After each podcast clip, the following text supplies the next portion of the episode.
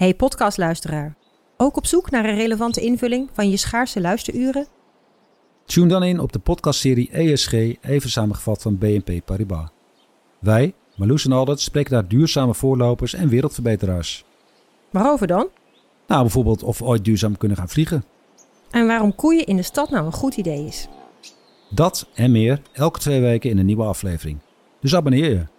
ESG, even samengevat. Ik ben al jaren ondernemer, maar waar moet ik eigenlijk allemaal aan denken nu ik voor het eerst personeel wil aannemen, voor het eerst ga importeren of voor het eerst een bedrijfslocatie zoek? Weet wat je wel of niet moet doen bij zaken die je voor het eerst oppakt. Check kvk.nl voor praktische stappenplannen. KVK, hou vast voor ondernemers. Vanaf de redactie van NRC het verhaal van vandaag. Mijn naam is Thomas Ruip.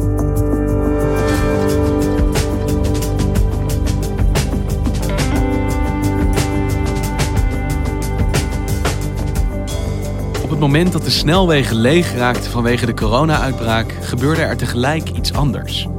Een nieuw snelheidslimiet van maximaal 100 km per uur. Een operatie die zo'n 20 miljoen euro heeft gekost. Verslaggever Arjen Schreuder dook in de permanente strijd tussen hardrijders en tegenstanders. Een discussie over vrijheid en gebondenheid.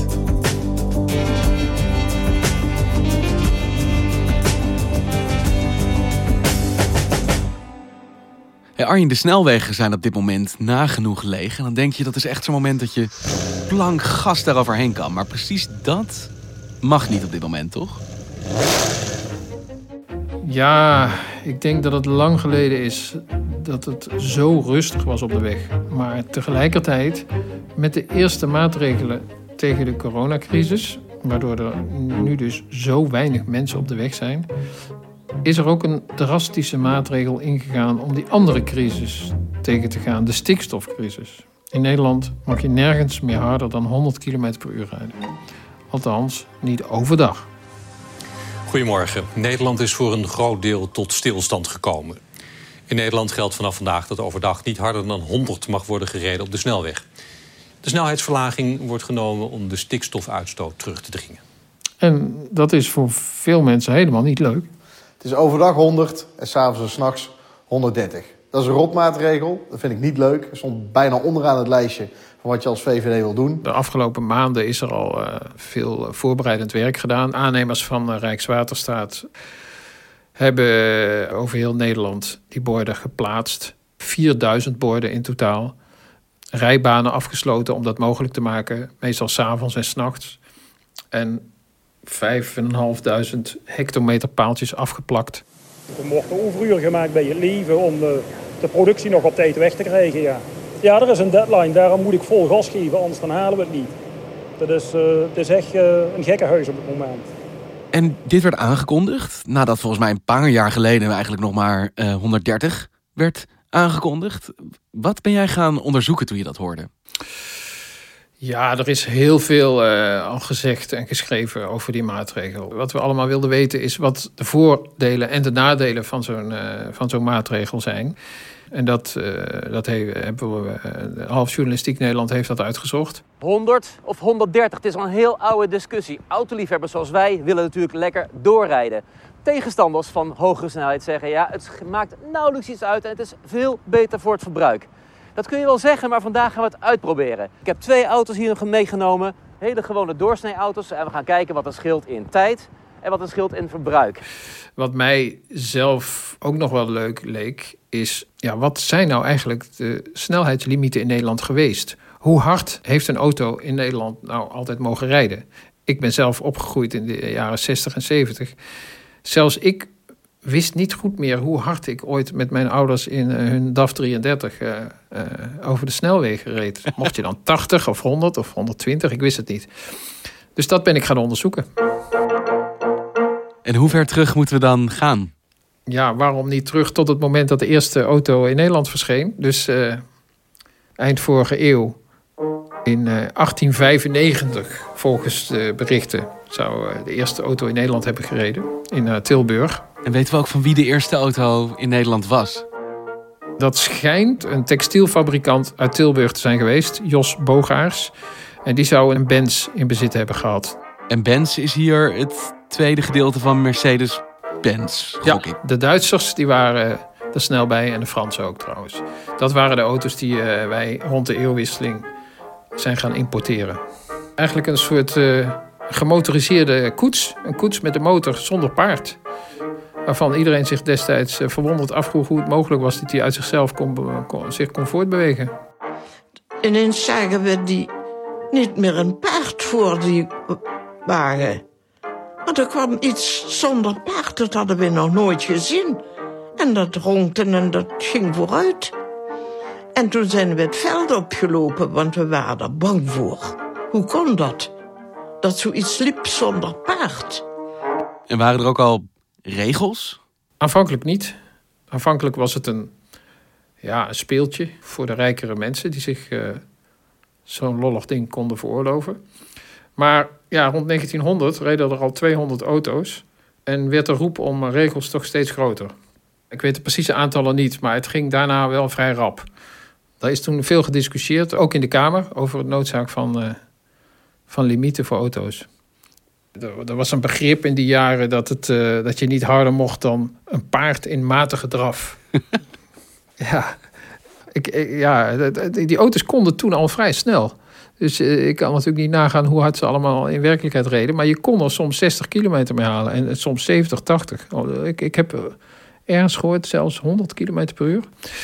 En in 1905 is er een, eh, heeft het toenmalige kabinet een wet aangenomen... die het opstellen van limieten mogelijk eh, maakte. Voor automobilisten, maar ook voor fietsers. Fietsers Dus, hadden ook eh, een snelheidslimiet. Ja, maar die verschilden. In de ene gemeente mocht je 5 kilometer per uur. In een andere gemeente 15, eh 20 kilometer per uur. De ene stad reden meer auto's dan in andere. Dus dat was, ja, er zat een mate van willekeur in. En wanneer kwam dan de eerste echte snelheidsbegrenzing in Nederland? De eerste begrenzing die kwam van de Duitse bezetter in de Tweede Wereldoorlog. In 1941 bepaalde die dat er eh, eh, in het hele land 40 km per uur mocht worden gereden, maximaal binnen de bebouwde kom. Dus de eerste auto was Duits, maar ook de eerste snelheidslimieten. Ja, maar die limiet die heeft het niet heel lang volgehouden. Eh, tien jaar later besloot het kabinet om aan die limiet een einde te maken. Want veel automobilisten voelden zich beknot in hun persoonlijke vrijheid. Er was een lobby van eh, onder andere de ANWB. Eh, en ja, het blije rijden kon beginnen. En dan begint de motorisering pas echt. De bromfiets komt. En de scooter. En niet te vergeten de kleine auto. Daar komt een markt voor als door de economische groei ook de smalle beurzen wat minder smal worden. Dat was ook de tijd waarin de behoefte aan mobiliteit enorm eh, groeide. Bovendien kon je in die tijd toch voor, voor het eerst in de geschiedenis voor betrekkelijk weinig geld een auto kopen. Eh, vooral tweedehands eh, auto's als Fiat 500 en de, de Volkswagen Kever. Die werden heel veel gekocht. En ja, dat leidde tot een enorme toename van het aantal auto's. Bijna 200.000 in 1954.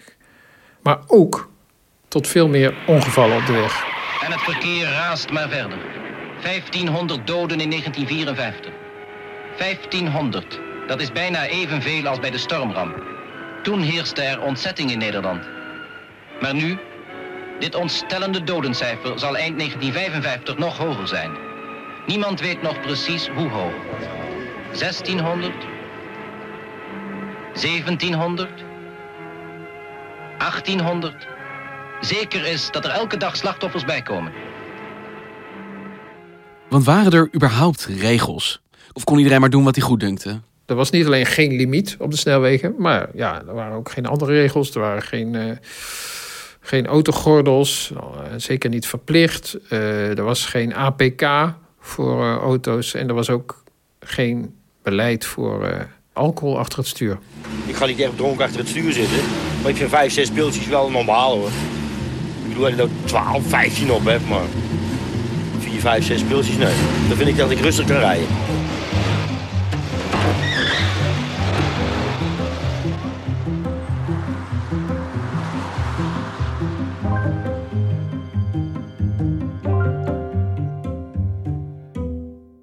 En was er dan niemand die daar tegenop trad? Regels bleven nog even uit. En dat duurde ook prinses Wilhelmina te lang. Zij was uh, een paar jaar eerder, in 1948, uh, afgetreden als koningin.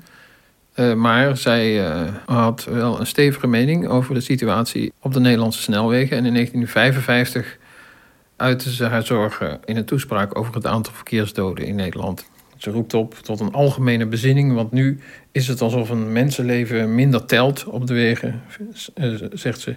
Gebruikers van onze vrije wegen en straten in Nederland. Het aantal ongelukken op onze verkeersaders heeft de afmeting aangenomen van een ramp. Als zich een ramp op een ander terrein voordoet, spreekt deze tot ons gehele volk. Dan herleeft onze saamhorigheid als volk. Hoe anders is de mentaliteit bij ongelukken op de straten en wegen. Het is alsof een mensenleven daar minder telt. En uw solidariteitsbesef niet tot leven komt. Uiteindelijk kwam het eh, kabinet in 1957 toch met twee limieten. Uh, eh, 50 kilometer eh, binnen de bebouwde kom en 70 erbuiten. En dat was vooral een gevolg van wat in een nota uit die jaren werd omschreven als een onrustbarende stijging van het aantal verkeersslachtoffers binnen de bebouwde kom. En midden jaren 60 kwamen er ook campagnes van het Verbond voor Veilig Verkeer om niet te rijden als je alcohol hebt gedronken. Beroemd werd de slogan glaasje op. Laat je rijden,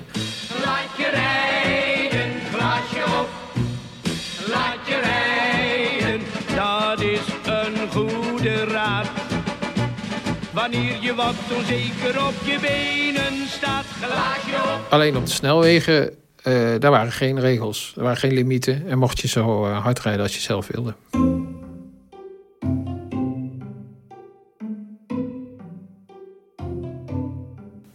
Er is dan in 57 wel een limiet gesteld, maar de groei van het autopark ging razendsnel.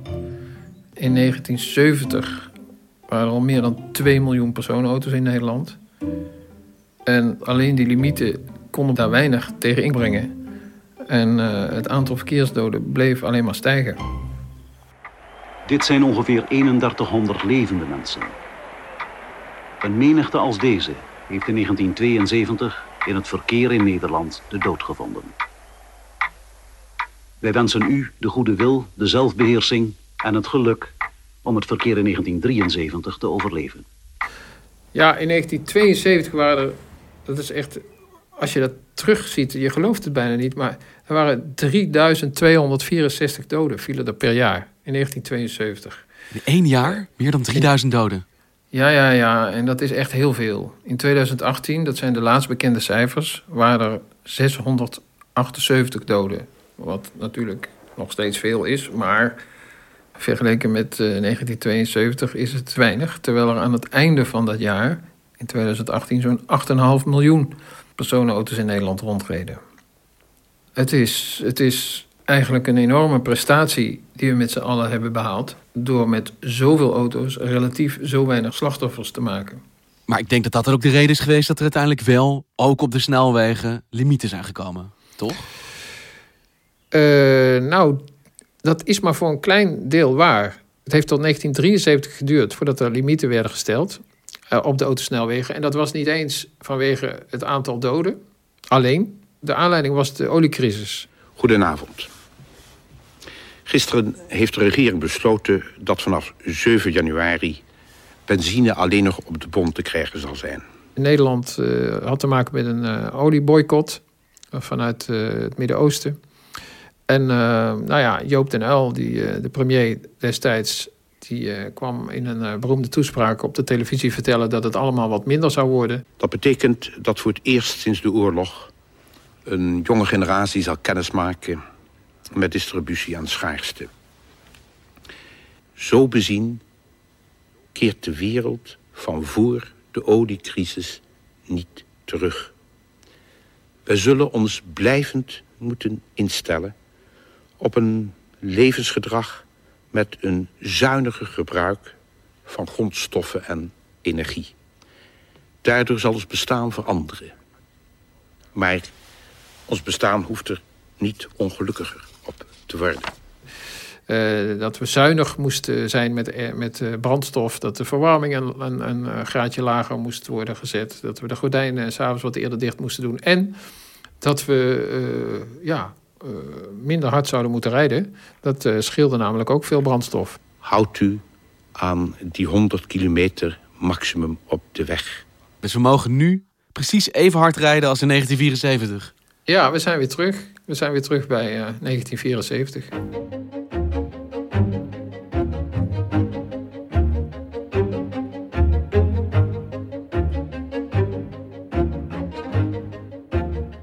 En wat heeft dit onderzoek jou nou geleerd? Wat concludeer jij?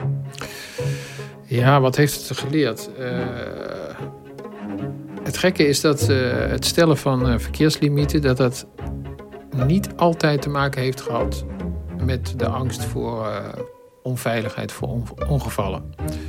Het is nu weer de stikstof die, die maakt dat we minder hard gaan rijden.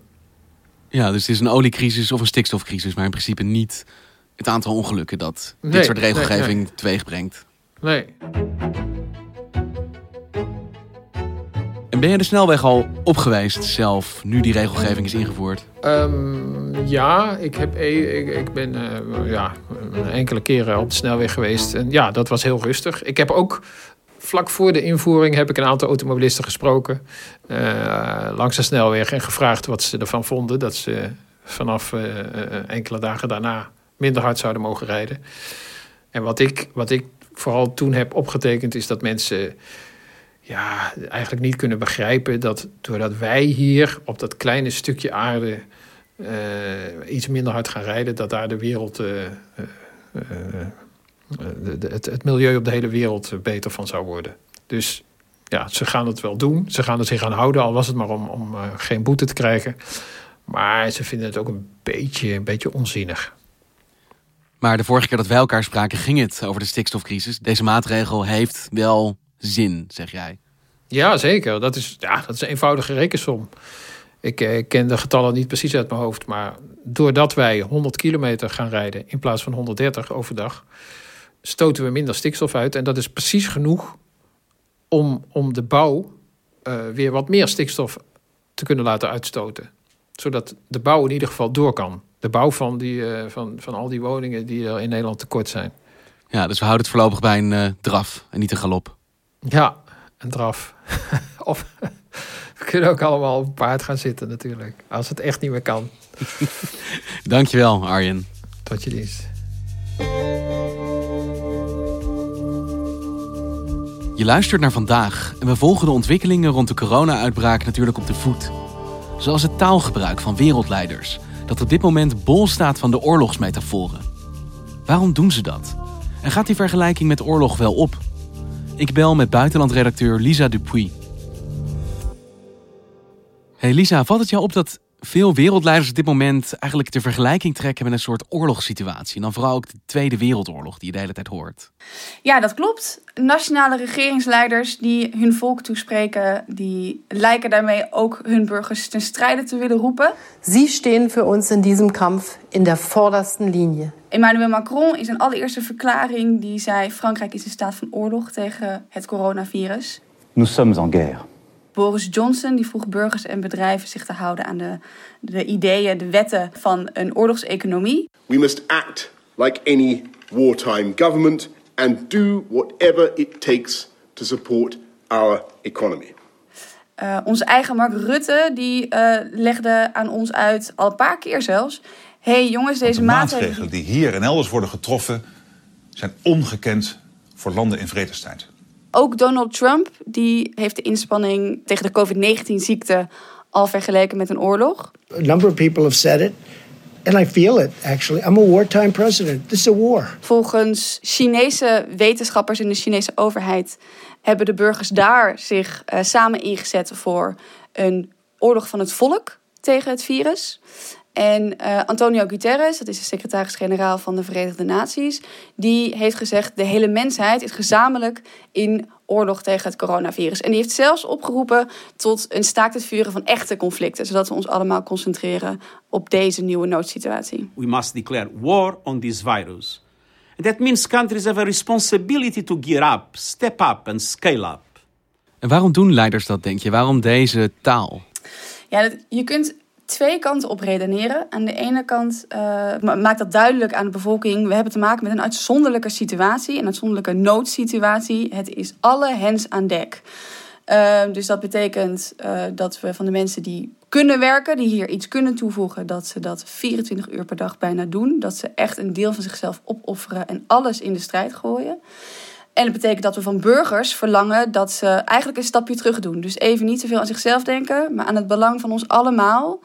En zich te houden aan de wetten. Dus ook zomaar eigenlijk veel sneller te doen wat de staat van ze vraagt. In hoeverre is dit krachtige retoriek of gaat die vergelijking ook echt op op dit moment? De vergelijking gaat op in die zin dat er heel veel eh, middelen, heel veel geld en heel veel mankracht moeten worden ingezet. In een heel snelle periode moet er een enorme eh, gezamenlijke inspanning op poten worden gezet. Aan de andere kant, je kunt een virus niet bombarderen, je kunt het niet bestoken eh, met wapens. Dus we hebben wel te maken met een heel andersoortige vijand. En de risico's zien er dus ook anders uit. Schuilt er volgens jou een gevaar in dit soort retoriek? Kijk, het leger hebben we nodig in een oorlog. En dat kunnen we soms ook goed gebruiken in noodsituaties. Hè. Militairen kunnen veel noodhulp verlenen. Ze hebben speciale methoden voor logistiek die handig kunnen zijn.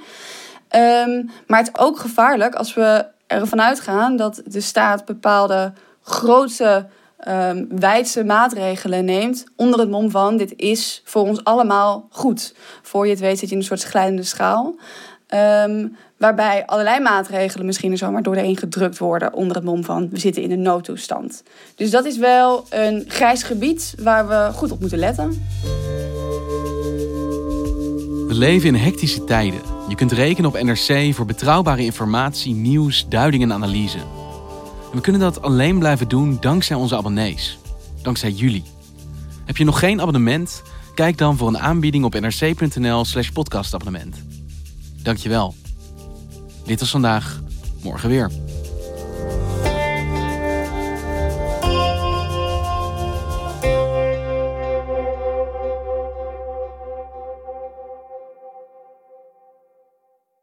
Technologie lijkt tegenwoordig het antwoord op iedere uitdaging. Bij PwC zien we dit anders. Als we de potentie van technologie willen benutten, kunnen we niet zonder een menselijk perspectief. Human-led, tech-powered noemen we dat. Ga naar pwc.nl.